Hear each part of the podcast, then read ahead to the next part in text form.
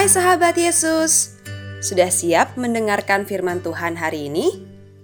Kalau sudah, yuk siapkan Alkitab dan mari kita sama-sama membuka Lukas 24 ayat 44 sampai 49. Lukas 24 ayat 44 sampai 49. Kalau sudah, biarkanlah Alkitabmu tetap terbuka. Ayo kita berdoa terlebih dahulu memohon bimbingan Tuhan agar kita dapat mengerti apa yang akan Tuhan sampaikan melalui firman-Nya. Mari kita berdoa. Tuhan Yesus, terima kasih atas penyertaan-Mu dari hari ke hari. Begitu juga dengan kesehatan dan seluruh berkat yang sudah kami terima. Terima kasih Bapa.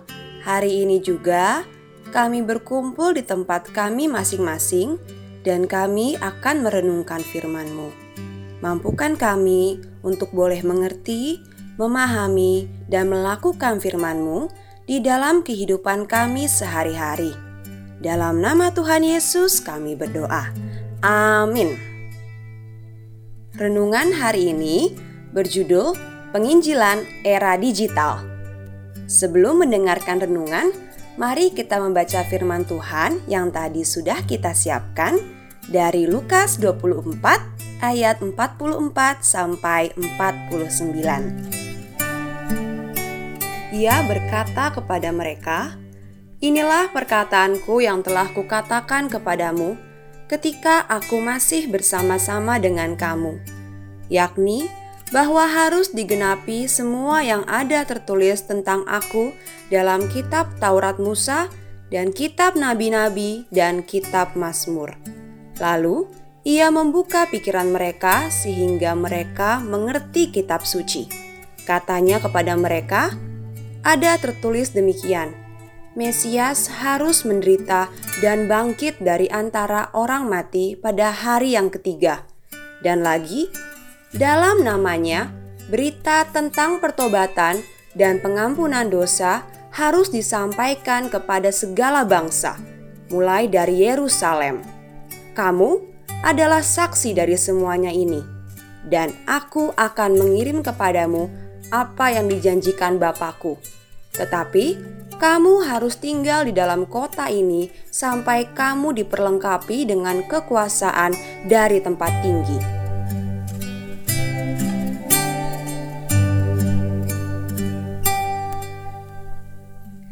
Kita sangat bersyukur atas pelayanan para misionaris atau penginjil yang rela melayani sampai ke daerah pedalaman. Mereka rela meninggalkan kenyamanan mereka di tempat asalnya dan pergi ke daerah lain yang belum mengenal kasih Kristus. Mereka bukan hanya satu bulan melayani di sana, tetapi bahkan berpuluh-puluh tahun. Mereka juga sering membagi-bagikan Alkitab kepada penduduk pedalaman, sehingga semakin banyak orang yang mengenal Tuhan Yesus dan menerima Tuhan Yesus sebagai Juru Selamatnya tahun berganti tahun, pelayanan para penginjil masih terus ada sampai saat ini. Perkembangan teknologi berdampak positif untuk pengabaran Injil, karena sampai saat ini masih banyak orang yang belum mengenal Tuhan Yesus. Asalkan di daerah tersebut sudah ada jaringan internet, maka channel penginjilan bisa diakses terutama saat ini, ketika masa pandemi belum berakhir. Sulit sekali untuk pergi ke daerah tertentu, tapi Tuhan selalu menyediakan segala hal agar penginjilan tidak berhenti dan terus berkembang. Saat ini, kita bisa mengakses pemberitaan firman Tuhan dari mana pun dan kapan pun. Ibadah anak dari gereja mana saja bisa kita ikuti, bahkan yang ada di luar kota dan luar negeri. Kita tidak mesti pergi ke tempat tersebut untuk beribadah. Melalui ibadah online, kita bisa mengikutinya, asalkan kita beribadah dengan sungguh-sungguh, seperti beribadah secara langsung.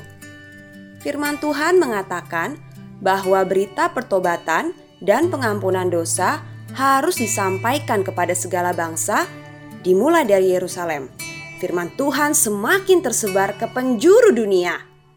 Mari kita gunakan handphone atau gadget kita untuk hal-hal yang positif dan yang membangun iman percaya kita kepada Tuhan Yesus.